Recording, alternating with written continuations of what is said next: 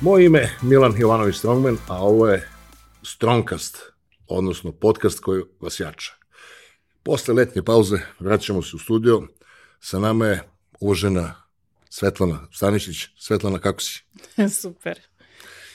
E, verovatno ćete u prvim trenucima da pomislite da je bio isključivo estetski kriterijum što je Svetlana sa nama u studiju, ali je mnogo interesantna priča. Možda ja sam, vas iznenadimo. Da. da.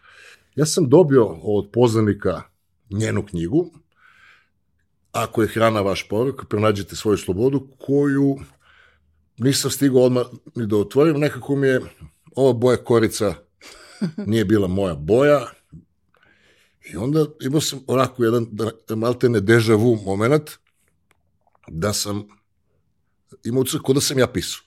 Znači, bukvalno deo po deo, poglavlje po poglavlje, potpuno isto rezonujemo, čak koristimo slične rečenice. Svetlana, šta imaš da kažeš u svoju odbranu? ne, nisam prepisala stvar. Ne, ne, ne to, nego... šalim se, šalim se.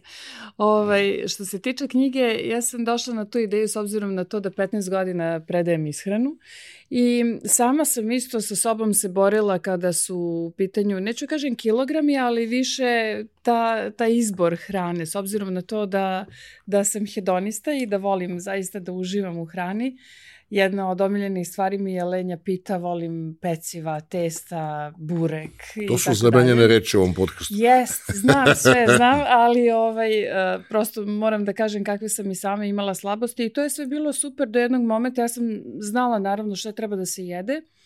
Ovaj, međutim, nisam to dosledno primenjivala dok nisam u jednom trenutku utvrdila da imam insulinsku rezistenciju. Ok, bilo je to vezano i sa stresom i sa nespavanjem i tako dalje. Imala sam diskus herniju i rekli su mi od sad mora redovno vežbanje u smislu jačanje mišića, dakle do tad sam je išla na razne kardio treninge i tako dalje, što je, nema smisla, tako sam i pogoršala svoju diskus herniju.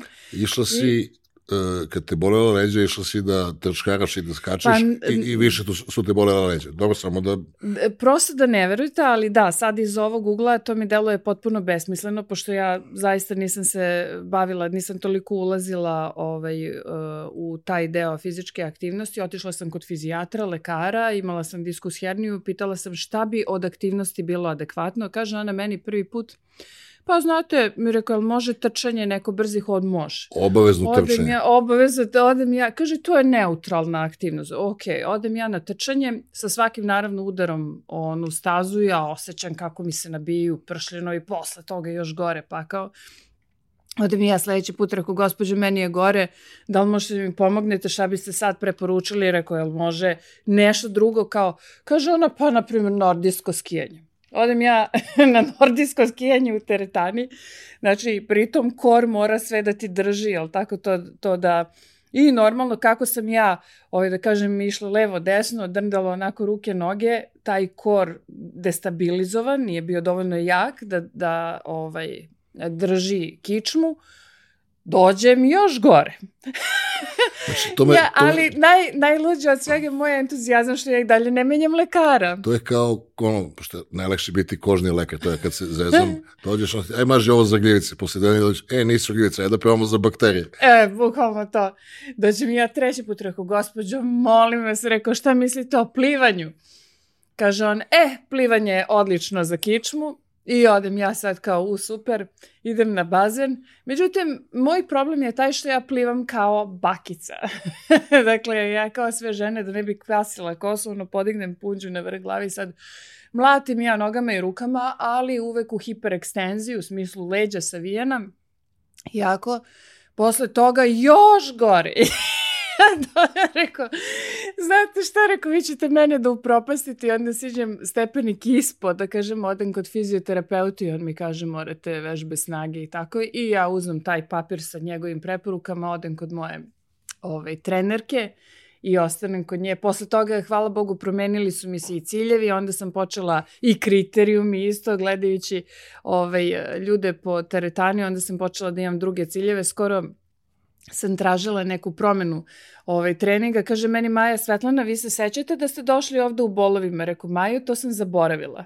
Jer zaista, od kako sam počela da treniram snagu, Ja više jedno probadanje u leđima nisam imala od tada, ima tome par godina i mislim to je, sad vidim koliko je sve ono bilo besmisleno i koliko prvo moramo da izgradimo telo da bismo ga koristili. Onda ti jasno kako ja živim sa ovolikom snagom. da. Izgleda šašav, ali mene leđe više ne bole. I Fenomenalno. onda si povezala kockice sa iskrenom. Ono što sam ja shvatila jeste da moram da nađem neke načine s obzirom da i sama imam neke, kako da kažem, probleme sa ličnom prirodom e, u smislu, na primjer, koje imaju verovatno i drugi ljudi, čak možda i u manjoj meri. Ljudi obično kad nas vide pa sad kao, e, ti si Vitka, blago tebi, ali oni ne shvataju da to što sam ja Vitka uopšte ne dolazi od toga što mi je priroda podarila. Dakle, ja što se tiče prirode, pošto meni su pomrli od dijabetesa u porodici, ja bi verovatno sad imala veliki stomak, 120 kila, bila bi teško pokretljiva i tako dalje, nego sam ja jednostavno shvatila da moram da radim pre svega na promeni ličnosti i od uvek sam smatrala da je uh, posao, meni, meni je smešno, znači ja sam išla ovaj, uh, takođe i, i raznim nutricionistima i budućim nutricionistima držim predavanje. Meni je besmisleno, znate, da čovjek dođe kod nutricioniste i sad mu on kaže, e, ne znam, jedi lososa sa brokolijem ili jedi oslića sa barenim krompirom i na tome se završi. Prvo, ja ne mogu takve savete da dajem, jer ja ne znam organizaciju vašeg života. Ja ne znam šta vi volite da jedete. Čovek koji vam kaže, koji vam izdiktira jelovnik, sretala sam trenere koji preporučuju belo, belu piletinu sa zelenom salatom. Ja tako u životu ne bih mogla da živim. Znači, ja volim ukuse, volim da jedem. I tražila sam način kako da ja uh, jednostavno nastavim sa tom svojom ljubavlju prema hrani. A Ali da bude uzvraćena, da, da ne završiš. Tako je, da, da jednostavno to se ne odrazi ovaj, na pre svega moju telesnu masu i na zdravlje i onda sam izmišljala koje kakve načine i to sam shvatila da moram da sprovodim postepeno. Tako da sam ja predložila neki, ono što ja mislim da je inovativan pristup, da kroz nekih 12 nedelja, ali to može da bude i 12 koraka, ljudi se... Svako da odabere svoj period, da li je 7 dana, Jeste. 6 dana, 10 dana. Tako je, dve nedelje, može i mesec dana da bude. Znači da 12 faza. implementira... 12 Tako faza. je, 12 faza da implementira novu promenu, s tim da je to objašnjeno zašto je ta promena važna. Ta promena je svaki put sitna i ona je, ja sam predlagala onako uopštene promene u smislu koje mogu da se primene na bilo koji režim ishrane. Bez obzira na to da li je neko vegan, da li je neko, da li voli crveno meso, da li neko e, ima, ne znam, više voli slatko, više voli, e, ne znam, slano. Dakle, promene su takve da e, generalno je važno da ljudi ostave u svom jelovniku ono što najviše vole. Naprimjer, ja mnogo volim lenju pitu. Znači, nju sam ostavila poslednju. Ovaj, za, za... Na kraju sam i nju izbacila jer u stvari čoveka dođe do toga da, da prestane da voli te ukuse i da prestane da jede hranu koju ne može da prestane da jede. Ovaj, Na kraju se odrekne i ona. Sad si onako zazvučala kao naivni slikar, kao pa eto ja sam probala, a iza tebe u stvari a, teška nauka, pošto ti si jedan od ono maltene, pošto ja sam, kad sam otkrio knjigu, onda sam ukapirao da si ti ta ona crvena ženska osoba koja mi iskače na, a, ovaj, na društvenim mrežama, pa sam počeo smisleno da, da probam da, da pratim to i to je meni sve bilo potpuno odgovarajuće. Par puta sam onako e, pozabavio sam se istim idejama o kojima si ti pisala kod mene na profilu. Međutim, e, tvoja posvećenost naučnim istraživanjima je zapravo ono, meni izgleda kao obsesija, tako ću da kažem da sve to što ti pričaš, pretpostavljam, da su tvrde nauke iza toga, da nisi baš ono, "Mm, danas sam se probudila tako, ajde da, da izbacimo lenju pitu, nego objašnjavaš uzročno posledično Pa to je, e, meni je bilo važno da bih se ja promenila, prvo sam morala da razumem e, zašto je ta promena važna. Naprimjer, bila sam pušač. ok, počela sam da pušim sa 17 godina onako iz inata majci, ali ja nikad nisam bila strastven pušač, dok sam bila uvek obsesivna oko drugih stvari, oko pušenja ne. I uh, došla sam u jednom momentu do trenutka kada bih ili povećala dakle, korišćenje tih cigareta. Prestala sam da budem socijalni pušač, 3 do 5 cigareta dnevno. Htjela si da budeš ekstremna ili kao pušač ili kao... Morala sam da se odlučim jer je počelo prosto da me vuče da, da koristim više iako sam godinama bila na 3 do 5 cigareta i pročitala sam jednu fantastičnu knjigu koja je pomogla milionima ljudi da ostave pušenje, zove se lak način da ostavite pušenje. Uh, ono što je meni bilo, on je čovjek na početku rekao pušite do kraja ove knjige, no međutim ja sam na negde 11. strani, kako sam zapamtila, ugasila svoju pos poslednju cigaretu. Ja nisam imala pojma kad sam zapalila tu cigaretu da će mi biti poslednja. Uh, posle toga sam prestala potpuno i da želim da pušim, a ono što je za mene bilo otkrovenje jeste to što je on rekao jednu vrlo jednostavnu stvar – A to je, rekao je da nijedan pušač ne voli sebe što puši, nijedan pušač zapravo ne uživa u pušenju. I znam koliko zvuči glupo, ali za mene je to bilo kao, u, wow, Znači tako, jer ja sam stalno slušala oko sebe, meni je to jedino zadovoljstvo. I ja ne mogu bez toga da živim. I, a imala sam utisak da su meni bore neka dva utiska. Jeste s neke strane kao uživam, s druge strane zaista mrzim sebe što to radim.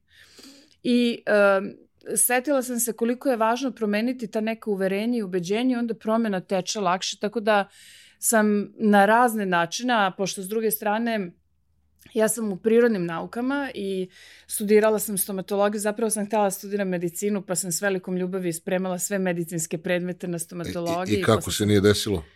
Pa nije se desilo da su bile teške godine i kriza i onda moj otac koji je onako, ja sam bila poslušno dete, ne znam šta mi je tad bilo zaista.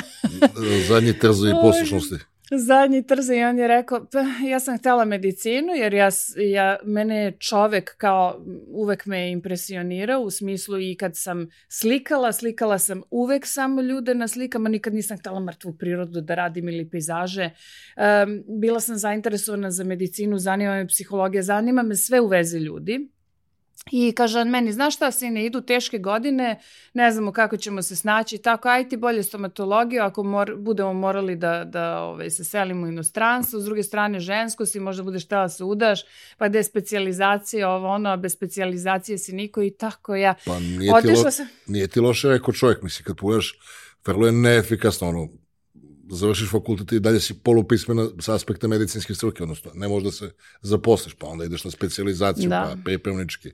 Kad... Ne, to je, to je tačno, ali uh, ja sećam se tog dana kad sam nosila, sam položila inače prijemni na stomatologiji na medicini, bila sam odlično rangirana, upala na budžet, morala sam da probam na medicini jer sam bila ono kao, samo da vidim kako bi prošla tamo. I onda sam došla ovaj, na, na šalter stomatologije, pošto je isti dekanat i ja sam s takvom tugom gledala kako idu gore da se upišu ovaj, na medicinu i to i da kažem i mnogo siromašniji od mene, ali jednostavno moji su takvi bili, a ovo ti je interes I u stvari mene su tako dresirali da bih posle, kad sam počela da se bavim stomatologijom, shvatila da taj posao mene ne ispunjava, jer zapravo nema nikakve, ne nosi nikakve izazove. To je prosto, nažalost, veliko znanje koje se na kraju svede na zanat. I, da imaš široku bazu, radiš istu stvar. I na kraju, kad, kad moram to da kažem, nek me kolege ubiju, ali baš briga, ne bavim se više stomatologijom, čovek zaglupi kad stalno radi jedan isti posao koji mu ne zahteva nikakve izazove. Da, ne mora da ideš napred jer postoje mnoge struke gde ako stoješ u mestu ti nazaduješ. Tako je, informatika, na primjer, da. IT sve. Pa sad svašta nešto. Ajde recimo da ne uskratimo naše gledoce, da nam kažeš, makar i taksativno, tih 12 faza, možda će nekom to pomoći da, da razume kako mi treba da se odnosimo kada ukapiramo da je hrana naš porok. E, ovo mi zvuči kao kad mi dođe student i kao profesorka, ali ima nešto za šest da naučim. ja ne pisam, šalim se, ali evo, samo da se podsjetim, pošto je To je sad... moj primjer. Please.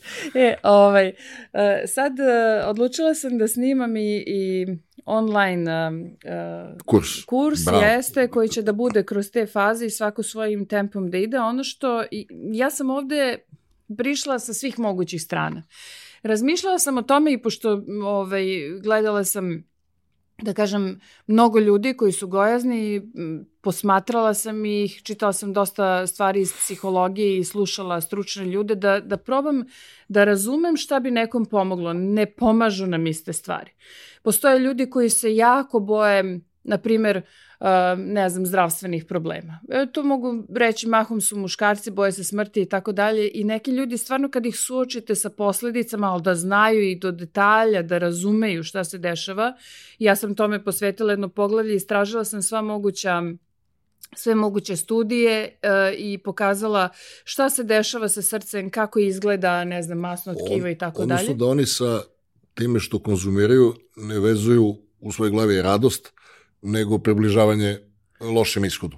Tako je. I suštini da, da ljudi, da gojaznost je daleko od estetskog problema, nego je ozbiljan zdravstveni problem koji Gojaznost trigeruje... je posledica zdravstvenog problema, inače. Pomalo se bavim ja tako. Ono. Jeste i posledica i uzrok, da, to je uzročno vezano, ali je dalje uzrok gomile drugih problema, jer stvara zapaljensku reakciju u telu koja kasnije pravi problem s imunitetom, stvara rizik za maligne bolesti, kardiovaskularne i tako. I onda dođemo do svega.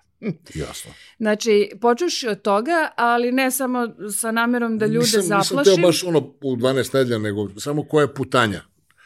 Ono, da E, putanje je ovako, to sam ja, pošto uh, ja, ja ovaj, ja sam tako malo ovaj, levo-desno, pa putanje je, e, znači, malo smo išli do straha, pa smo onda malo do motivacije, pa malo ljubav prema hrani, pa šta volite iz svog detinstva, pogrešni obrazci. Znači, ja, interesantno, na primjer, srela sam jednog momka, koji je bio ultra gojazan i na svaka tri sata je jeo i kad sam ga videla da ponovo trpa palačinku u sebe, ja rekao, aman čoveče šta ti je malo pre si jeo, gledam te kod nas na poslu. Je bio, kaže, jo, ja imam stravičan strah od toga da ne budem gladan. I ovaj, to je zato što nam mame u detinstvu, na primer, trućaju stalno, nemoj da si gladan, samo ne... I uhvatila sam sebe isto, sine, si gladan. Kao da je to mnogo strašno ako će da bude gladan. Umreće ako bude gladan. I ja sam u jednom momentu osetila kao, ju, kao ne sam da budem glada. A šta ne sam da budem gladna? Zdravo je biti gladan, mislim. Naravno, postoje ljudi koji godinama ne osete glad. Pa to nije normalno. Znači, počeš i od toga, pa preko ovoga, pa preko razvijanja ljubavi prema zdravoj hrani, um, ne znam, promocije raznoraznih začina i predloga kako možete da napravite svoju hranu ukusnijom, jeste. Šta, su, recimo, tvoja ta tri omiljena zaša ili dva? Ja sam pala u nesvest kad sam bila u Turskoj koliko Turci obogaćuju svoju hranu začinima, zato što i onda posle kad sam tražila, jer začini kao začinske biljke, kao sve druge biljke imaju posebne fitohemikalije, to je vrednost biljne hrane. Ja znam da Da si ti su- za keto. Šta su ćemo fito... Ne, pa malo sam proširio pogled na to. Šta su fitokemikalije?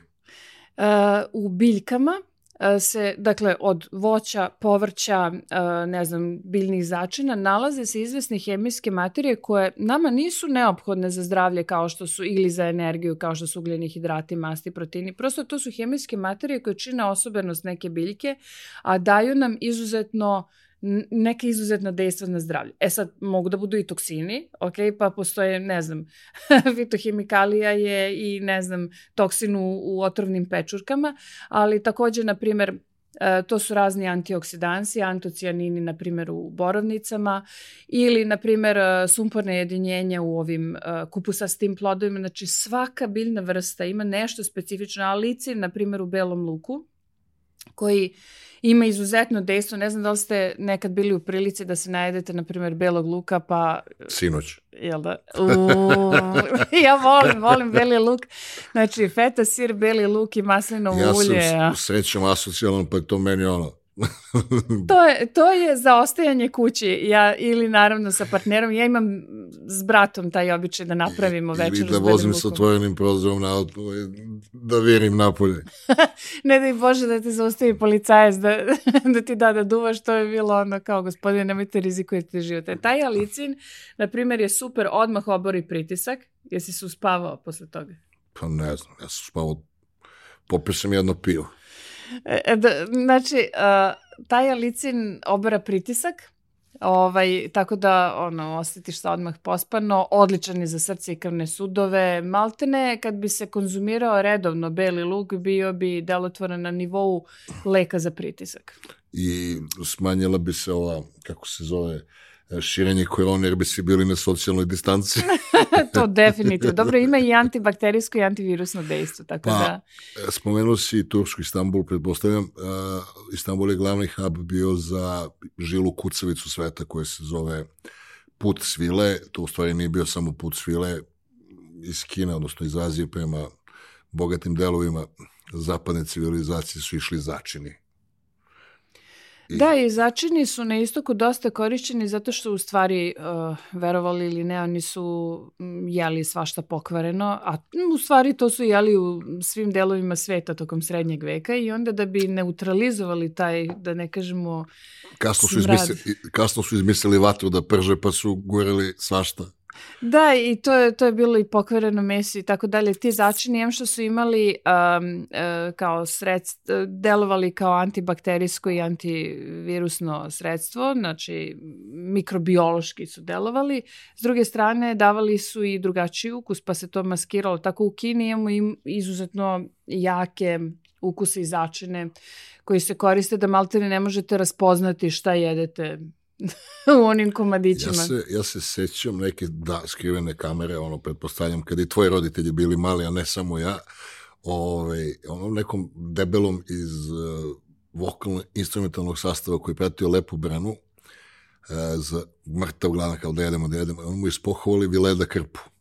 Oh, Znači, kad je ispohovano ukus, to on žvaće, šta je ovo, pojedi jedan, drugi zalog, šta je to? Ne znam, kod mene sve dobro.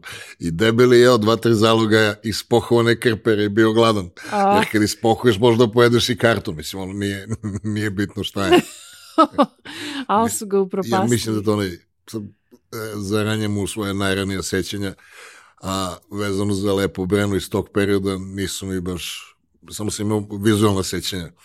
Jer je, o, ne znam da znaš, mislim da je e, Lepa Brena naša prva starleta. Jer Pa mislim da se sećam toga zato što ovaj, slikala se, mislim, kao navodno, ono, e, obnažena. Da, novosti 8 objavile njene obnaž, mislim, prvo imaš 17 godina slikaš se gola, drugo, ovaj, sećam se da sam ja zvat, odnosno zvan kod sekretara škole da mi se zapleni časopis koji sam kupio. Mi smo čuli da si kupio, jesam, ne dam, lepo vreme sa golim grudima na naslovnici. I ja recimo šesti razred, ono, šta ćeš bolje za, za jedno zanimljivo popodne da se edukuješ ovaj turbo folk muziku na mute. da, sećam se tih komentara u kući, pošto ovaj, tad smo prisluškivali roditelje šta pričaju. I tata se zblanuo, pretpostavljam, kao, ju, pa da li je moguće? Ne diraj taj časopis, ne baci. da, Ovaj, tako kažem da je taj Bora, iako moja seća za Lepo Breno ne idu baš prema muzičkom tom opusu, sećam se njega čovjek pojao pola krpe dok nije ukapirao da nije, da nije jestivo. dobro, Kada- to je jezivo. Kako da ljudi tebe nađu i kada ćemo da imamo, osim ove knjige, pa ti kažem, ja ne čitam knjige nikad cele. Znaš, ja sam kao ovi što skuplju uh, školjke sa biserima, nađem te četiri bisere i zadovoljim svoju znatiželju. U, u, mislim, ono, kad uzmem knjigu, pogledam na internetu da vidim koja je, vidim da li ima TED Talk, tako sam i vezano za tebi. Sve što sam onako uh, teo sam da ti ishejtujem, ali bilo neuspešno. Šta ona? I onda nisam intuitivno onako, nisam ni primetio da sam uh, iskren da budem. Da oponiraš. Da, i onda rekao, "Pf, ne mogu da nađem ništa da začačkam, da zahejtujem. Iskreno ti kažem. Makar malo, znaš, ljudski da ga posolim, ono, da. I pravo ti kažem, ali, ovaj, znaš šta, ja sam, e, može se vidjeti po meni, pošto imam prilično godina, ali dosta sam i, i načitana i Ja sam- uvežbana i sve. ja sam se šokirao kad sam čuo koliko imaš godina. Sad ne, ne, ne dajem ti kompliment. Izgledaš baš ono, mlađe. Zahvaljujem. U to ime ja sam se zajebao, nisam se obrio, a teo sam, nego imam taj ranac koji nosim kada idem na, na put da mi je sve spakovano i međutim nije to taj ranac. Ne, ne, nema ga pribor za brijanje, to sam otkrio jutros. A, Ovaj, e, a htjela da kažem, ja sam e, jako efikasna u smislu kako trošim vreme i onda ono što ne podnosim, to su bilo kakvi materijali bez sadržaja. Znači, iz tog razloga ja sam se trudila da sabijem, da kažem, 15 godina ideje u tu knjigu. Ja volim da je sve sadržajno. Sabijeno je, jedva vidim ova mala slova tu. Mislim, sabijeno je svaka čast. Pa šta da radi? E, rekli su mi inače ove izdavači da, da mora da bude do 130 strana. Međutim, nisam, ne, ne znam koliko ima, ali nisam uspela da zbijem u manje, malo smo ubacili neke slike i tako. Ma jok, ne, ne postoji uh, duga knjiga, postoji samo dosadna i čitljiva. Mislim, moram da ti kažem. Uh, kada ćemo da imamo to zadovoljstvo da imamo online kurs, jer nije isto kad čitaš i kad saslušaš i kad razmisliš. To sam shvatila da, da ljudi vole više da slušaju i da vole da slušaju od ljudi, da tako steknu poverenje. Pa da, napravit ćeš i, i grupu onu da mogu međusobno da se podržavaju na... na, na Sledeće sam... nedelje. Da, bravo. Je li to dovoljno brzo? Pa ja mislim da jeste. Jeste. Vrlo sam inspirisana zato što kažem i sama sam prolazila kroz brojne probleme. Počuši, na primjer, ja imam tu potrebu, pošto ne volim nezavršene poslove. Ja sam jako disciplinovana i obsesivna sam i ne volim za, nezavršene posle. Sad nešto stoji ispred mene, sad na primjer kao o, dobro voda ne može da me izazove, ali na primjer stoji neka čokolada ispred mene, bez obzira na to što niti mi se jelo slatko, niti, šta je ono tamo hrana? Oj, niti mi se jelo slatko, niti ovaj, volim na primjer tu čokoladu, ali ja e, Znam da je da tu nešto... Zatvoriš situaciju. Da, da, znači nešto ispred mene, ja imam neki, što bi rekao Badr Hari, ono, imam neki nezavršen posao, znači koji stoji ispred mene i kao, kako to da ostane nezavršeno. I imam taj problem da sve što je ispred mene, znači da nisam planirala, moram dohvatim. Inače, Badr Hari je jedan dobar kickbokser, veći deo živ, ovaj, dobar deo početka karijere pravo kao smrad, Yes, da. Pa je onda postao bolji čovjek jer je potekao iz sredine da je takvo ponašanje bilo prihvatljivo. Ja sam gledao Badr Harija u Tokiju u finalu K1, samo kažem, i upoznali smo se. I on je bio u toj fazi kada se lomio, kada je izlazio iz toga da je, da je smrad, jer je radio jednu veliku stvar za mene kad sam ga priznao kada je pobedio Pitera Arca, legendu, mm -hmm. kleknuo i glavom mu dodirnuo stopalo ja, pala mi vilica. Piterac je veoma značajan za sport K1, odnosno za kickboks. Pa dobro, on je musliman, možda to ima veze sa tim. Pa ne, ne, ne idem to na, na religijsku situaciju nikad. Ovaj, uh, Seme Šilc kad je počeo da, da se mm -hmm. pojavlja, on je strašno je pala gledanost, on 2.10 i sam mnogo udara kao konj. Da, da. I onda na nekim kvalifikacijama jedva ga pobedi Peter Arts, Matorović bio vatelik iz penzije, sudije ga pokrele, ovoga Petera, ovoga Semir Šilca i kao mator došao Peter Arts i ovaj ga je razvalio od batina i klekni dodirne mu stopa, rekao je dobro. Čisto da... Jeste, da. Ja sam bila zaljubljena neko vreme u Badr Harija. e, ja bih sad zaustavio ovaj.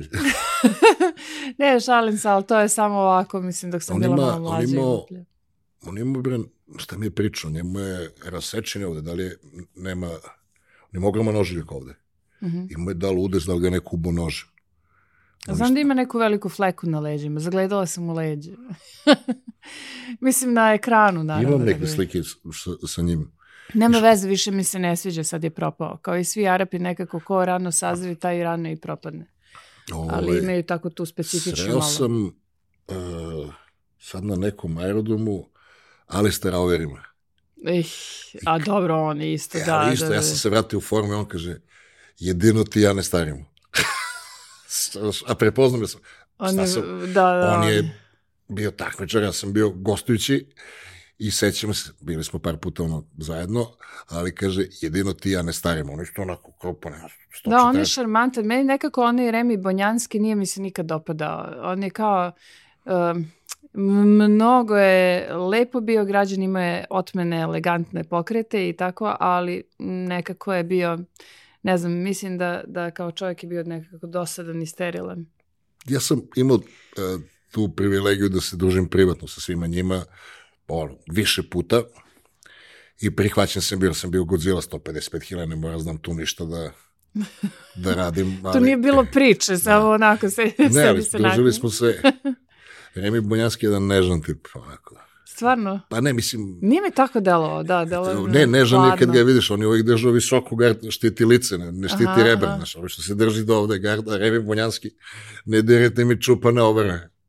No, da se vratimo na temu, uh, nisam znao da si u, upoznata sa tim, čak nisam ni ja znao da sam ja upoznat, nisam pomislio na, pešto sam da pratim, sad ne znam ništa, ja nisam znao o, o tim boračkim sportovima puno, onda sam suzio fokus, jer ništa me to ne jača, samo trošim vreme, recimo, vozio sam se 18 sati do Japana da gledam finale K1.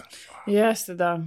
E, Drama. Ili žena zamlačuje se, ono, bude zaljubljena u nekog tamo kickboksera i onda realno ne upozna ove realne prilike. E, ali što se tiče, na primjer, ovo discipline, uh, ono što sam ja mislila da, da je korisno jeste da kako se razvija uopšte disciplina, znaš, to, to je, ja sam shvatila po sebi, na primjer, evo sad treba da peglam veš. Neću sigurno da kažem, ja što mi se pegla veš, znači što, što ću da uživam u tome, ja baš volim da peglam veš.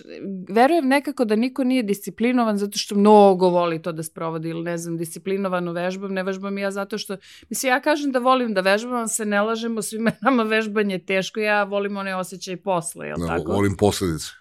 Da, volim posledice i voli, volim osjećaj posle kad završim kao ah. I ovaj, a kako se razvija ta disciplina, pa a, ono što sam shvatila jeste da čovjek mora da bude malo namćor, da bude kritičan i nadrndan i onda da ti u stvari smeta taj neispeglan veš, pa ti si u fazonu kao, ja ne mogu više da ga gledam, znaš, i kad dođeš do toga ja ne mogu više da ga gledam, onda se stvari menju, ne mogu više da gledam muža, onda se razvodiš, jel, ne mogu da, O, pa da, mi smo saopštili gospodinu. ne, ne, to smo već završili ovaj, odavno. Nekako bila sam istovremeno i srećna i tužna jer ni, nisam sigurna da, da sam ovaj, zgodan i ja materijal baš za, za te dugoročne emotivne odnose, ali na sreću moj muž je bio dovoljno loš da smo se razvili posle par godina jer da je bio i ole dobar, ja bi eto tu poslušno sedela i ćutala i ostala dugo, tako da na sreću nije bilo dileme. Ono kad je neko siv, znaš, pa ti se boriš pa se dvoumiš, pa ima nešto dobro, ali ima i nešto loše. O, kad je crno, onda ti je... Nećemo mužu ogovarati Da, kod nećemo, mene. Imate nećemo. svi vi ženske emisije tamo po, po televizijama pa da pljujete muškarce. To se kod mene desiti neće. Da A sam- dobro, imaju ženske publike, razumeće oni to. Stvarno, jel te prate žene ili...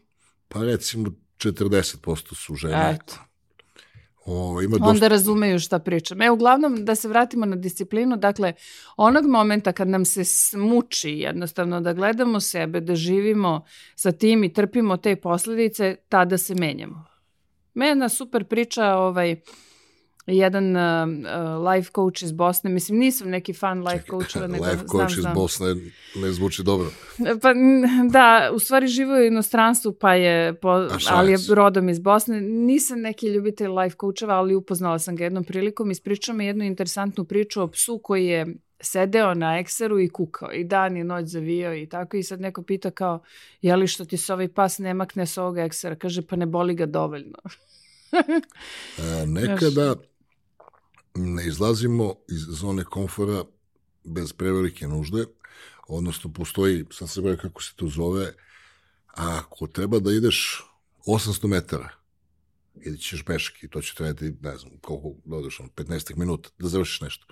A ako je 1000 i po, onda upališ auto i završiš za 4 minuta. da. Nekad ti je, kad je nešto značajniji problem, a, više se angažuješ i veću energiju uložiš i pređeš iz jednog stanja u drugo stanje da bi rešio. A inače, ajde sada, pošto smo ušli malo u filozofiranje, ja sam uh, ukapirao, vratno sam pročitao negde, pa sad pokušavam da rekonstruišem da sam ja ukapirao, sam pročitao, ljudi probaju da reše budućnost navikama iz prošlosti.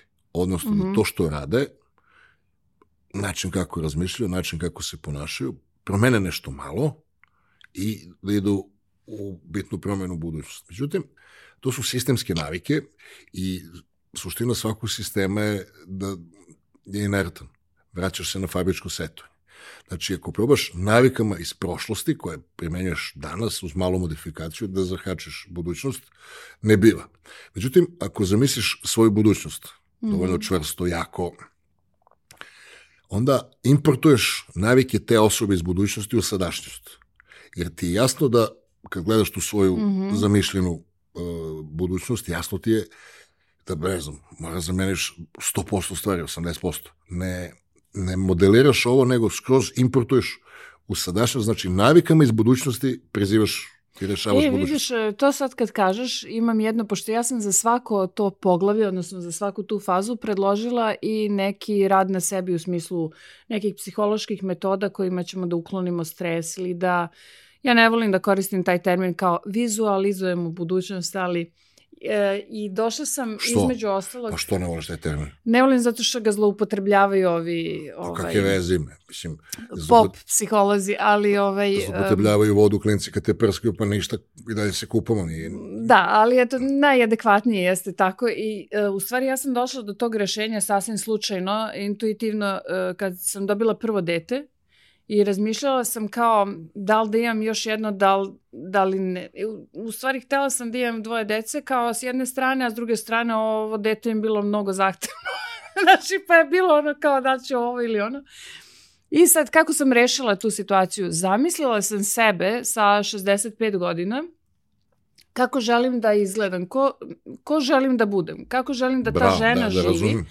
Znači, zamislila sam skroz svoj ambijent, svoj stan, ono neke, da kažem, realne uslove, nisam se zamišljala na dvorcu, to odmah da objasnim, znači, realne uslove i onda sam zamišljala, ok, sad je, na primjer, nedelja, spremam nedeljni ručak, ovaj, naravno, lenja pita na stolu sa svim I, I detaljima. doći će mi ko? Da, ko mi dolazi? I sad sam zamišljala situaciju da mi dolazi jedno dete, jedan sin i ja kao, uh, Demit, ono kao mama bolesna sa svojim sinčićem Miljanikom, dolaze mi dva deteta, ono, kogog pola, ja nisam znala kog pola će da bude drugo i to mi je bilo ok, a već između dvoje i troje dece nisam videla neki kao sad neku veliku razliku.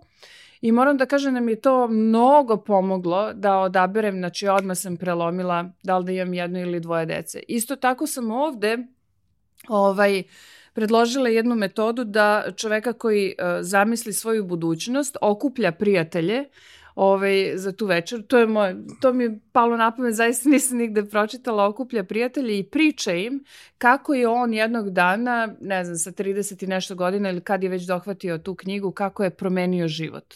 Šta se dešavalo.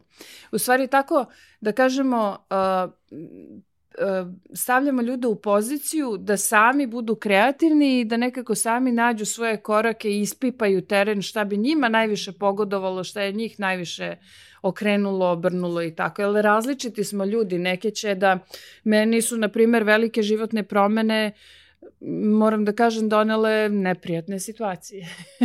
Kad moraš da izađeš iz zone komfora, odnosno da ubaciš nove, nove navike, nove verovanja. Pa, na primjer, i kad treba da, mene inat dosta pokretao. Imala sam, na primjer, kad sam došla na doktorske studije na fizičku hemiju, to se desilo totalno blesavo. Kod mene ja sam završila stomatologiju, htela sam da upišem doktorske studije ili master negde u Beču, istekao rok za konkurs i tako. Htela sam nešto drugo da promenim od, od ovaj, da krenem sa stomatologije i dođe kod nas u posetu kod mog oca ovaj, u sklopu akreditacije jedna žena koja je bila višegodišnji dekan fizičke hemije, ovaj, gospođa Vera Dondor i kaže ona meni, a ti si zainteresovana za ekologiju? Kaže, pa mi imamo zaštitu životne sredine. Ja kad sam čula zaštitu životne sredine, ja kao, ja, zaštita vode, vazduha, divno, divno, gde da dođem, dolazim sutra, ja odmah sutra, odmah indeks, upisuju se i to, dođem ja na prvo preda- predavanje, ono katoda, anoda, ja sedim, rekao, gde sam ja došla? Gledaš da nisi pojasničunac. ne, ni, nisam, kako da kažem, u stvari to se zove fizička hemija životne sredine. E sad, iz toga su izašle mnoge pozitivne stvari, ali jednu sam neverovatnu situaciju doživjela kada je profesor jedan, kao onako sav ciničan, mislim, to je tipično za tu akademsku sredinu, ovaj, rekao meni pred svim studentima uh, tih doktorskih, jer nije nas bilo mnogo, pritom oni se svi znaju sa osnovnih studija i onda pitaju jesi ti, bilo je studenta sa hemije, tehnologije, ali baš sa stomatologije, mislim vrlo, ono, skoro niko. I on je rekao pred svima, kaže, evo, koleginica ima 5% šanse da završi ove doktorske studije. Što je samo povećalo tvoju glad za... Znači, to kad mi je rekao, ja sam pomislila ovako, ok, ove doktorske studije su pravljene za ljude, ja sam čovek, prema tome ja ću ih završiti, I moram da kažem da li sam druga ili treća u generaciji završila. Jedan drugi profesor koji isto tako je imao stav prema meni, onako okreće se pa kao pa jel vam jasno, a stalno u mene gleda. Znači to mi je tako bilo ono, ej, mislim, vidi, ja nisam, mislim, ako nešto može da se savlada, ja ću to da uradim. A viš, slično stvar se desila, sam završio elektroniku, pa ovaj, prvi konkurs koji sam, rekao što mi prijavio sam, konkurs me prime. Znači, meni je socijalizam odradio jedan kroz jedan. I prvo, malo, kad sam završio fakultet, ja uopšte nisam znao da postoji radna knjižica. Mm -hmm. Nisam znao šta je to. Onda upute me, jer sam neko doživljavao, ja završim, oni mi donesu posao kuće, samo me prebaci u sledeći kadar, kao u filmu. Mm. Završio si fakultet i postao si profesor. Da. Ja sam na nekoj tabli i pričam nekim džacima, jer to je bio koncept koji meni bio poznat. I onda kao, ajde, da, ovaj, da, da izvadiš radnu knjižicu. Pa nešto, neki šalter, pa gledam, pa mi dadoš onak, ne može odvratnija boja da bude te radne knjižice. Jer se kaže, idi se prijavi na biro rada. Kakav biro rada? Pa ja da budem nezapošljen. Znaš, nisam mogu da, u glavi uopšte nisam imao naređen, nisam imao map. Znaš, ono kao kad igraš video igricu, pa znam šta je na tamo. Oh. I ja odem da se prijavim na biro za zapošljavanje. I on a, dođe vama, e, evo ovde, izvadiš ukoričene neke novine, čekaj, čekaj, a evo ga, konkuriši ovde. Šta rem? Pa napiši ovo ja, ja konkurišem okružni sud u Nišu i prime me. jedan kroz jedan. Znači, završam fakultet, zvadim jednu knjižicu, odem na rada, prime me. I to je sad, taj sud ne ima uopšte kompjutere, ne imali softvere, sa sedom, ono, baš nisi imao šta da radim. Ja upišem fiziku, počnem da studiram fiziku, priznam i dosta sa elektronike. I upišem magistarski ovaj, i završim sve ispite. Uh, ukapirao sam tek kad sam se uselio u Ameriku da sam ja u stvari magistrirao, a da nisam magistrirao, jer su mi u Americi priznali sve ispite jer oni nemaju magistarski rad. Aha, sam se 10-0 to završio. A onda prošlo neko vreme, uh, neko spomene multidisciplinarne studije na DIF-u, ja kao posto trener, rekao, hoću to, odem, položim sve ispite opet sa 10-0, ja, ne mogu da pišem rad, na šta treba nešto da merim, da, ja to ne mogu i ja sam, ovaj, da kažem, magistrirao da nisam magistrirao, dobio sam radnu vizu na osnovu master degree in computer science. A sad sam na, na, na DIF-u dao sam isto sve ispite, ali toliko mi se ne da, toliko imam pametnije stvari da radim sa sobom, nego da sedim da nešto, nešto prvo mora, ono, ti znaš što bolje od mene da, da napišem radove, pa ono, da pišem glavni rad, znaš, jednostavno, a s druge strane, pokojni roditelji su doktori nauka, rođena sestra doktori nauka, doktor nauka, pa sad ja ono zvučim kao da sam polupismen, sa, po, sa polumagistraturom. Da, meni su isto tata i brat doktor nauka i ja sam, ovaj, uh, inače otac mi je 25 godina radio na državnoj ekonomiji i onda je stalno dolazio kuće, žalio se na kolege, pa sam ja shvatila da su tamo mnogo loši ljudi, znaš. I kad sam birala fakultet, kaže on, Dobro, prvo je bilo pitanje zapravo pre ovo medicine i to šta ćeš da upišeš, rekao, ja sigurno neću ekonomiju. Dođem na stomatologiju, ono i tamo mi se ne sviđaju ljudi kao, ups, izgleda da je do ljudi, je, nije do sredine. Ali da, ta akademska sredina stvarno i ok, pisanje rado, ja ne razumem ove političare što hoće da doktoriraju zato što mislim, doktorat te stavlja u jedan okvir akademski i ti ako želiš da gradiš karijeru u tom pravcu, onda to ima smisla zato što mislim ima svoje neke i prednosti i mane i tako dalje, ali potpuno je gubljenje vremena, ja bih sad rekla. Je, sad je obesmišljeno jer su mnogi ljudi doktorirali na čudne načine. Tako je, da. I ja sam znao tu neku statistiku pa sam zaboravio, jer sam inače sklon da zaboravljam brojke. A, broj doktoranata u poslednjih recimo 10 godina je recimo dva puta veći nego since ever za celu Jugoslaviju. Znači, pre ljudi koji u Srbiji doktoriraju veći nego cela Jugoslavija do recimo 80 i neki, oni 90. To jeste, da, apsolutno. E, nažalost, nekako je omalovaženo to time, ali pre svega, Devalviralo. jeste, ali pre svega hiperprodukcijom uh, doktora nauka iz oblasti društvenih nauka, društveno-humanističkih, ovaj, uh, zato što zaista Mislim, mada, znate šta, imaju u prirodnim naukama ljudi koji e, doktoriraju tako što vrte dugme na nekom uređaju, ono, provalili su, nemam pojma, vrti elektrodu, gleda kako mu se šta izdvaja i kao, e, evo, ne znam, dao sam naučni doprinos. U suštini i danas, naravno, ono što se očekuje, meni je smešno, kad, kad neko kaže kao šta si završila, mislim, od kako sam završila i fakultet i doktorat, toliko sam čitala i učila stvari, da. sam mogla još pet fakulteta da, da završim, si, mislim, da si realno. Izgradila još četiri puta nakon toga. Tako je, dakle, danas, bez svakodnevnog uključivanja, učenja, širenja znanja, jedino bih rekla da je vrlo dobra stvar ta multidisciplinarnost, zato što, na primjer, ja sam Posle stomatologije, kad sam otišla na fizičku hemiju, to je zahtevalo mnogo prilagođavanja, dali su mi razne ispite na osnovnim studijama, isto da položen sam polagala šest ili sedam ispita. I ovaj, I uh, ono zašto je to dobro jeste što čovek sa 20 i nešto godina, kada već krene ono kognitivni kao neki pad, polako, lagano, jel? on uh, ulazi opet u ring i probija, da kažem, svoje granice. I ja sam stvarno, ja sam dolazila u laboratoriju i sad kao na teže način otkrivala šta sve možda mi se desi.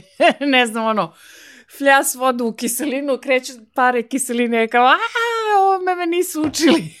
A, dobro, znači, to je, tako da, dok su drugi znali, ja sam morala mnogo da uključujem mozak i da stvarno razmišljam apsolutno svemu što se dešava, da pratim, da, da slučajno, da zaključujem. Jednostavno, bile sam ono, bacite u vatru i sad ti vidi kako ćeš da se snađeš. Obično se to završi tako što stvarno povećaš svoje sposobnosti, to ima na kraju dobar ishod. A vidiš, o, ti si završila ove državne studije, ja, ja volim tu temu, ja sam završio državne studije, ja smatram da to tamo što se uči samo podskup celog znanja yes. i u današnje vreme da mi možemo daleko efikasnije i bogatije da naučimo sa interneta.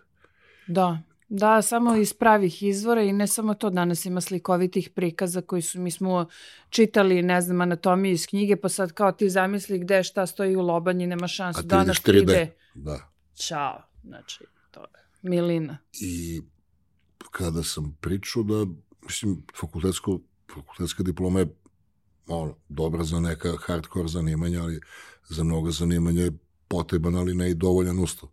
Jer yes. ima divnih ljudi koji su naučili potpuno sami sve ovo što se, uh, što se koristi danas i mnogo efikasnije. Mislim da je fakultetski način obrazovanja davno prevaziđen.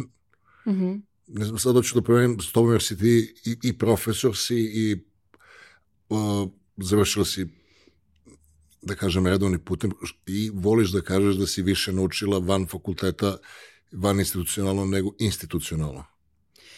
Pa jeste, apsolutno. Mislim, ne mogu da kažem u stvari čemu je služio taj državni fakultet kod nas, ali rekla bih možda tome da nas nauči da se mučimo, da prihvatamo kao ono, muku kao svakodnevni deo života. Um, neverovatno isto kao i sa srednjom školom kad sam bila pa sam, nemam pojma, mrzala fizičko jer je profesor fizičkog bio užasan, neprijatan i tako dalje. Tako sam iskreno mrzala i neke stvari na fakultetu koje sam, odnosno na doktorskim studijama koje sam kasnije ono proždirala sa zadovoljstvom. Znači, ja, vidi ovo, vidi kako je ovaj to objasnio, vidi kako je ovaj to. Znači, jednostavno, uh, njihov pristup, ja se trudim da sad kao profesor totalno imam drugačiji pristup i moram da kažem imam to zadovoljstvo od kako je krenula korona, imamo online uh, kombinovanu nastavu, znači uh, tada je bila online nastava, sad imamo kombinovanu, znači imamo i online i u sali, pa ko hoće kako da gleda, sluša. I, I kakav je odziv uh, publike? Da ne kažem studenta. E ovako, vratili su se malo u salu, sad ponovo, ali kad su prva godina nakon korone, kad su mogli da biraju, svi su sedeli kući. Znači, to je za nas profesore bio ovaj, vrlo težak period, zato što e, kontakt čovek čovek ne može nikada da, da, da, da se... Uzbuđene si kad pričaš, kad vidiš Tako publiku, je. nego kad pričaš u kameru. Tako je, taj entuzijazam, onda ih pitate nešto, oni verovatno u pidžamama, odjedno mi iskače onako, ne znam, sva slova, ono iskucana neka devojka, je rekao, šta se dešava, ti jedna kaže, izvinite, mačka mi je prešla preko tastature. znači, tako neke stvari, uglavnom, ovaj, imala sam šok, pitala sam jednog dečka, rekao, izvini, uh, odnosno, pitala sam studente generalno, rekao, izvinite, kako vam se čini, čini ova online nastava, da bi on mrtav Vladan rekao, kaže, meni je ovo super, ja uštedim vreme za prevoz. Ja gledam, ja se sećam svojih studentskih dana kada je nama, ja, ja sam išla na fakultet, nisam išla na predavanje, su bila bez veze, mislim, ono, sedne profesor čita knjigu, mislim, na takva predavanja ne želim da idem. Ovaj, mogu sad slobodno da kažem kako je bilo na stomatologiji, baš briga, nisam više stomatolog. Ali, ovaj, uh, ali sam htela da idem na vežbe, ali za, bilo mi je mnogo važno da idem i da se družim sa svojim kolegama. Ja imam kumu sa studija, imam uh, prijatelje Bar imaš gde zube da popravljaš. Tako je, imam, da, i imam ovaj, uh, krug prijatelja koji mi popravljaju, održavaju zube, naravno, da, hvala.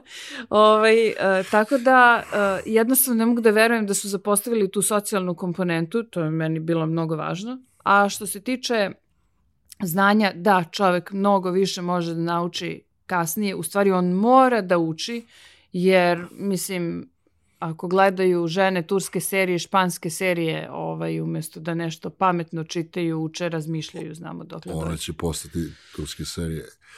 Si primetila da o, da o naučnim istinama, činjenicama u našem društvu počinje da se glasa? Da svaka budala ima svoj stav. Pa ja to mislim ovako i sad to napuni etar, a prvo pošto mi se prosula sama čaša vode u krilo, ako bi se ja sad pomolio za ovu čašu Aha. vode, ovaj, pokušavam da navedem razgovor na jednu interesantnu temu koju ćemo mi malo onako da, ja se nadam da čačnemo. Uh, postoji grupa ljudi ovaj, koje podržavaju jednog japanskog kvazi naučnika koji kaže da voda ima e, senzorne organe i ona zna kad ju se mi molimo, ona bude kvalitetnija i to je dovelo do toga da postoje TV ličnosti koje su veoma popularne po nekom sportskom osnovu, koje kažu da ti možeš molitvom da mm -hmm. da zagađenu vodu da prečistiš. Aj malo da nam pričaš o, o, o ljudima koji imali šta, kad će meni u životu da treba hemija i fizika, da su sad da, najglasniji. Aha. Znaš šta te pitam, razumela si? E, sve razumemo. Ja, Ali... ja, nažalost, pošto sam prisutna na društvenim mrežama i sad, na primjer, moj brat je malo protivnik toga, on je kao u stilu teško podnosi kritike. Ja, uh, prva stvar, zanima me kako ljudi razmišljaju i baš im briga i čak i da daju neki negativan komentar, meni je to okej, okay, prihvatim to kao... Pa dobro, ima i uvreda, ali to nije razmišljanje, yes, to, to, su, to je da. dijagnoza. Mislim... Da, to uopšte me nekako ne prihvatam to sad kao lično, a što se tiče tih komentara, ja nailazim na svakojake komentare. Juče sam dobila ovaj e, petak popodne, ja gledam taj svoj snimak upravo za online kurs koji spremam za sledeću nedelju, sva uzbuđenja, ja, super ispala, zadovoljna sam i to. A, zvoni mi telefon, a gledam snimak na telefonu, rekao, eh, ajde da se javim.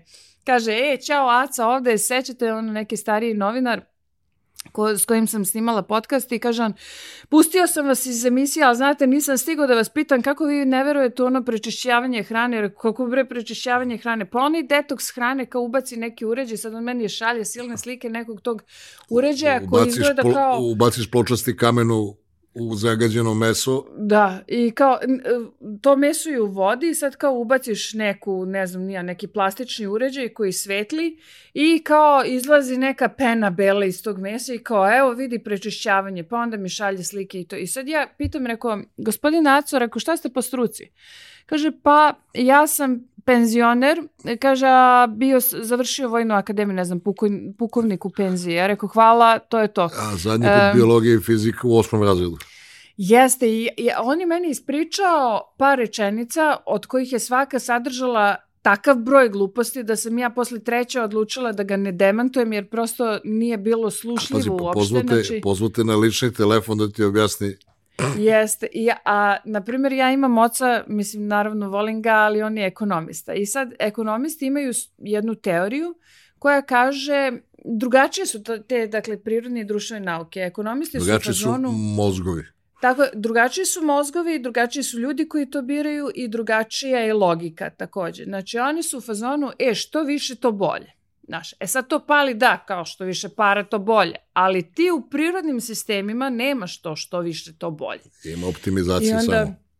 Tako je. I on sa, balans kome on nije sklon. Njemu je skoro mu je eksplodirao ovaj nutribulit od sode bikarbone, znači mora je ponovo da kreći stan jer on smatra kao ako je malo sode dobro, više sode je Nema, bolje. ga, nema greške. Tako da ovaj, ja ludim od tih, da kažem, ovaj, onda isto mom bivšem mužu koji je Budi, fizičar i doktor ostavi tvog fizike. bivšeg muža, budi na liniji, pitanja, Ne, ne, pričamo o povodom vodi. fizike. Ne, ne, ovo, ovo je samo u kontekstu, znači otac je došao da njemu objašnjava nešto o ugljeniku u prirodi, sad čovjek sedi i morala sam ja da ga branim jer njemu bilo neprijatno da kaže, aman čoveče, mislim, hello. Ovaj, Uglavnom što se tiče vode, dakle, ljudi imaju tendenciju da gledaju stvari oko sebe i da im prepisuju e, ljudske osobine. Tako da gledaju vodu i kapiraju, ako sam ja živ, pa verovatno i ona živa, kao, e. Čekaj, moja postavim Znači, lepo možda- pitanje. Imali smo, to sam vidio kod tebe... je- na... znam, znam, Ej, ja pričam. I ovo je jedna, mislim, možda čak jedina emisija gde sam ja ispod 10% pričao. Obično se ja e, e, raskenjam i po 45% i onda u komentarima, majstore, e, Kad ka- ću ti da, malo. a, I onda kažem, nije intervju, da, da sam Sad gosta. će da te sažaljevaju. Da, doveo sam gosta da se ispričamo, međutim, ja ne umem da plivam uzvodno. Znači, jak tok ide ka meni. Ovaj, a, neki bivši futbaler stavio nekoliko teglica pirinča, pa kao o- ovaj se moli, ovaj se ne moli. Onda ima je onaj intervju našeg čuvenog e, sportskog e, radnika koji udara te, tenis teniskim raketom po, po loptici. I on pričao sa nekim tipom da voda zna kada se moliš i onda to ti se pomoliš vode i njoj se promeni struktura, znači totalno odsustvo poznavanja uh, kako, kakva je struktura zapravo vode i pozivaju se na Da. saznanja, ne mogu da kažem radove, jer naučni rad je kad možda se replicira nešto što je bilo u Tokiju da radimo mi u Beogradu ili ovaj, u Melbourneu, a to je on izvao po, ne znam, jednom, odnosno nikad, da ono kad se zaledi da budu vesele pahulje posle toga, u zavisnosti od toga da, Da, si da. pričao. E, a taj uh, Japanac je zaista naučnik i on je, ali šta je fora?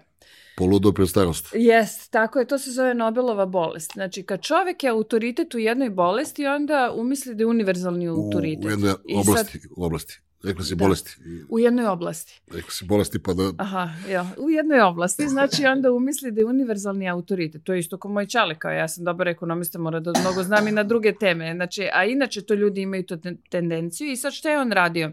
Znači, mi možemo zaista kada, kada voda prelazi u led, znači, pošto ti molekuli vode prelaze u kristalnu rešetku i sad, um, kada se, um, kada tresemo vodu, na primjer, a ona se zamrzava, na primjer, ili kada bismo puštali neki jak zvuk kroz vodu, pošto je to On bi zapam, talas, zapamtio oscilacije. Tako je, odnosno prilikom tog, da kažemo, ugrađivanja molekula u rešetku, ti, te rešetke bi se oblikovale na određen način. Dakle, to jeste moguće, mada niko nije uspio da replicira njegov eksperiment, a iz toga su ljudi izveli najraznoraznije zaključke, a to je da voda ima nekakvo raspoloženje, narav i tako dalje, da može ako je se tepa da postane, ne znam, bolja, zdravija i tako dalje, pa do onih stvari kao ako vodu zamrznete i odmrznete kao, ne znam, bit će zdravija, znači zamrzavanjem i Čekaj, a odmrzavanjem. što su pričali, bre, da možda se molitvom da se očisti voda iz močvare. A to tek, da, da, da ona dakle, zagađena voda i ti želja si na nebesa, ajde da popiješ ovu vodu ti. Pa što ja jebote, kao pa ja sam se molio, ti mora piješ da dokažeš da nam je uspio eksperiment.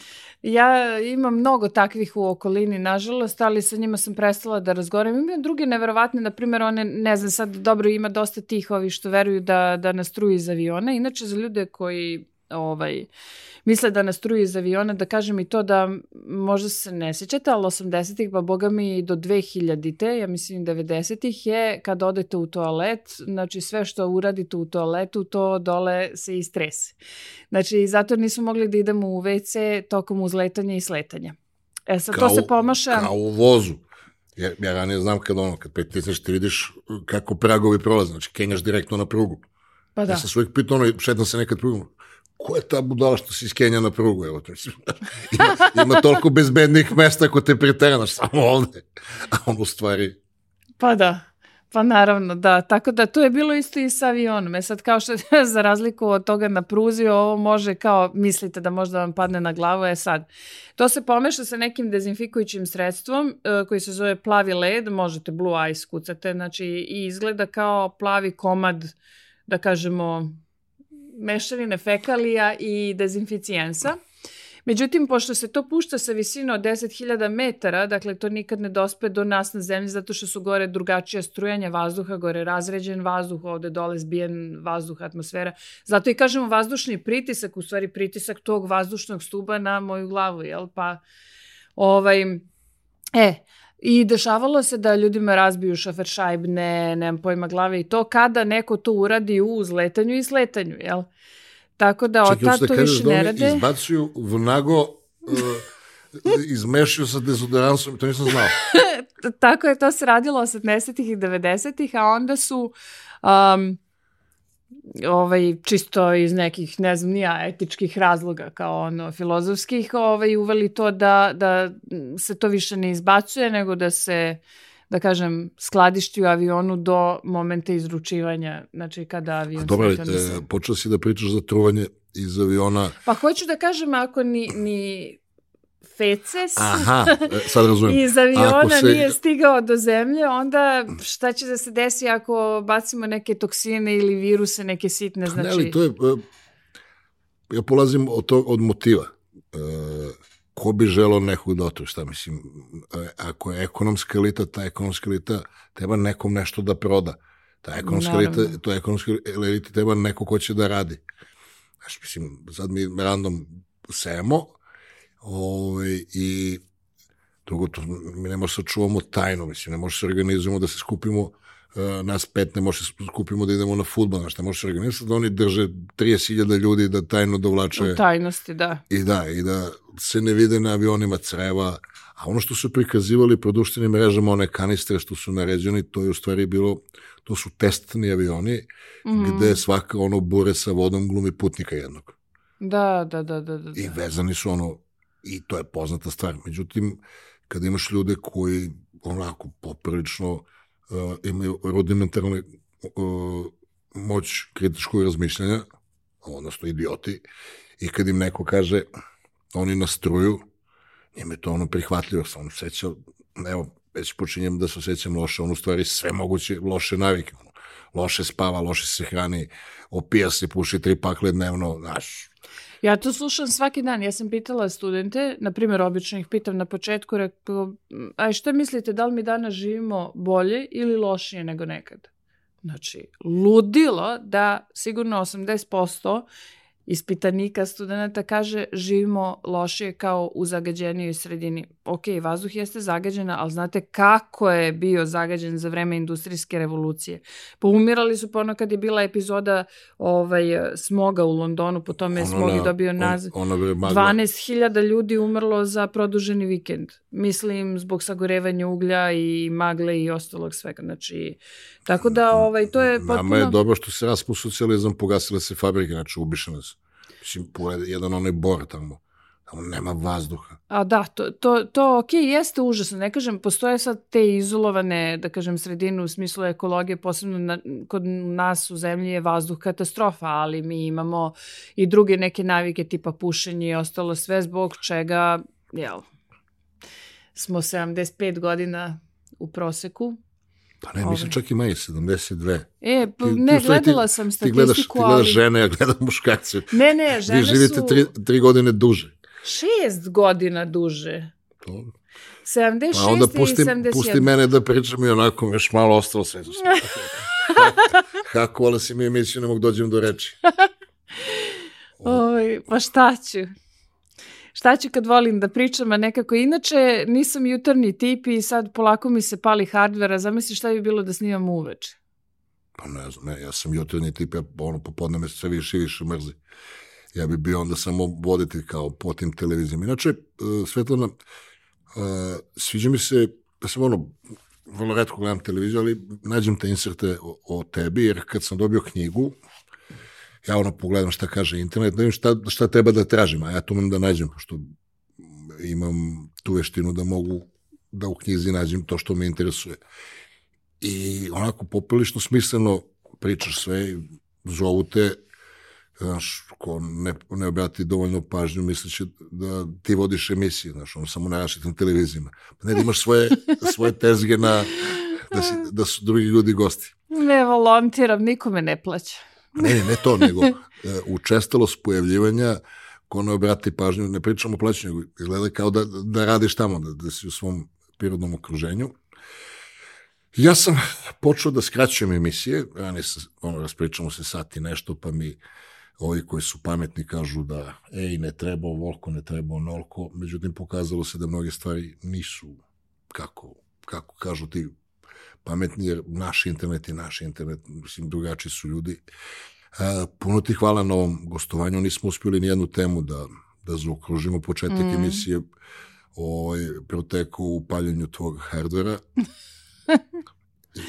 ovaj, nisi nam samo rekla kako ljudi mogu da, da te nađu, ako neko želi da, da vidi to za taj online kurs i kada se očekuje lunch, odnosno lansiranje kursa, jer siguran sam da tvoja publika želi nešto i konkretno od tebe da, da nauči. Evo je ova knjiga Da, knjigu uh, možete da nađete online, zato što mi smo izdavač Univerzitet Singidunum, uh, tačnije naš centar VIN koji smo otvorili za, za te kurseve i za lifelong learning i edukaciju. A ovaj, uh, na mojoj Instagram strani Lola iz Skola Znači, ili Super, Lola je u evo, školi. Lako, lako Zato što je Lola stalno u školi. Ovaj, uh, ja krećem sledeće nedelje sa tim videom. Razlog je taj što stvarno uh, prvo trudila sam se da imam empatičan stav prema gojaznim osobama. Dakle, Inače, kažem, volim ljude, volim ljudsku vrstu, žao mi što nisam lekar jer uh, prosto imam saosećanja prema ljudima.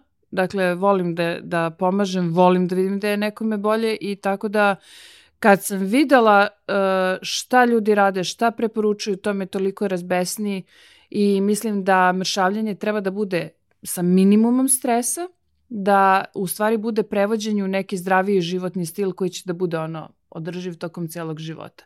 I u stvari, suprotno od zavisnosti, pričam i o zavisnosti i to isto imam i strast prema hrani, sve imam. Znači, ono, hladne, tople emocije, racio, ne znam, navike i ostalo. Dakle, što se tiče ovaj, emocija prema hrani, uh, ja smatram da je suprotnost od zavisnosti zapravo odgovorni hedonizam. Znači, moramo da Bravo. da volimo ono što radimo, znači, emisija ali... će nam se zvati profesor doktor Svetlana Stanišić, odgovorni hedonizam. Da, da. Bravo. I ja bih se Svetlana zahvalio na gostovanju i pretpostavljam da ovo, je tebi bilo okej. Okay Vidim da nisi... E, meni je bilo super, ovaj, u stvari nisam ni primetila kad je prošlo vreme, tako da... Ovaj... Nisi kolutala ni malo očima, to je meni dokaz da... U stvari, možda bi ti bilo dosadno da si u popodavnom terminu. A, vreme je da odjavimo ovu emisiju. Sa nama u studiju je profesor doktora Svetlana Stanišić. Možete da nađete, ja ću staviti link na njene profile, da proverite o čemu ona to priča. Veoma kvalitetno priča, jer sam, rekao sam, Meni se dopalo onako potpuno mi deluje kao da sam ja pisao to što je pisano. Ostavite u komentaru kako vam se dopala emisija, ostavite u komentaru šta mislite da bi trebao da otvorim od tema, koga želite da vidite od gostiju i ja bih vam se zahvalio na pažnji.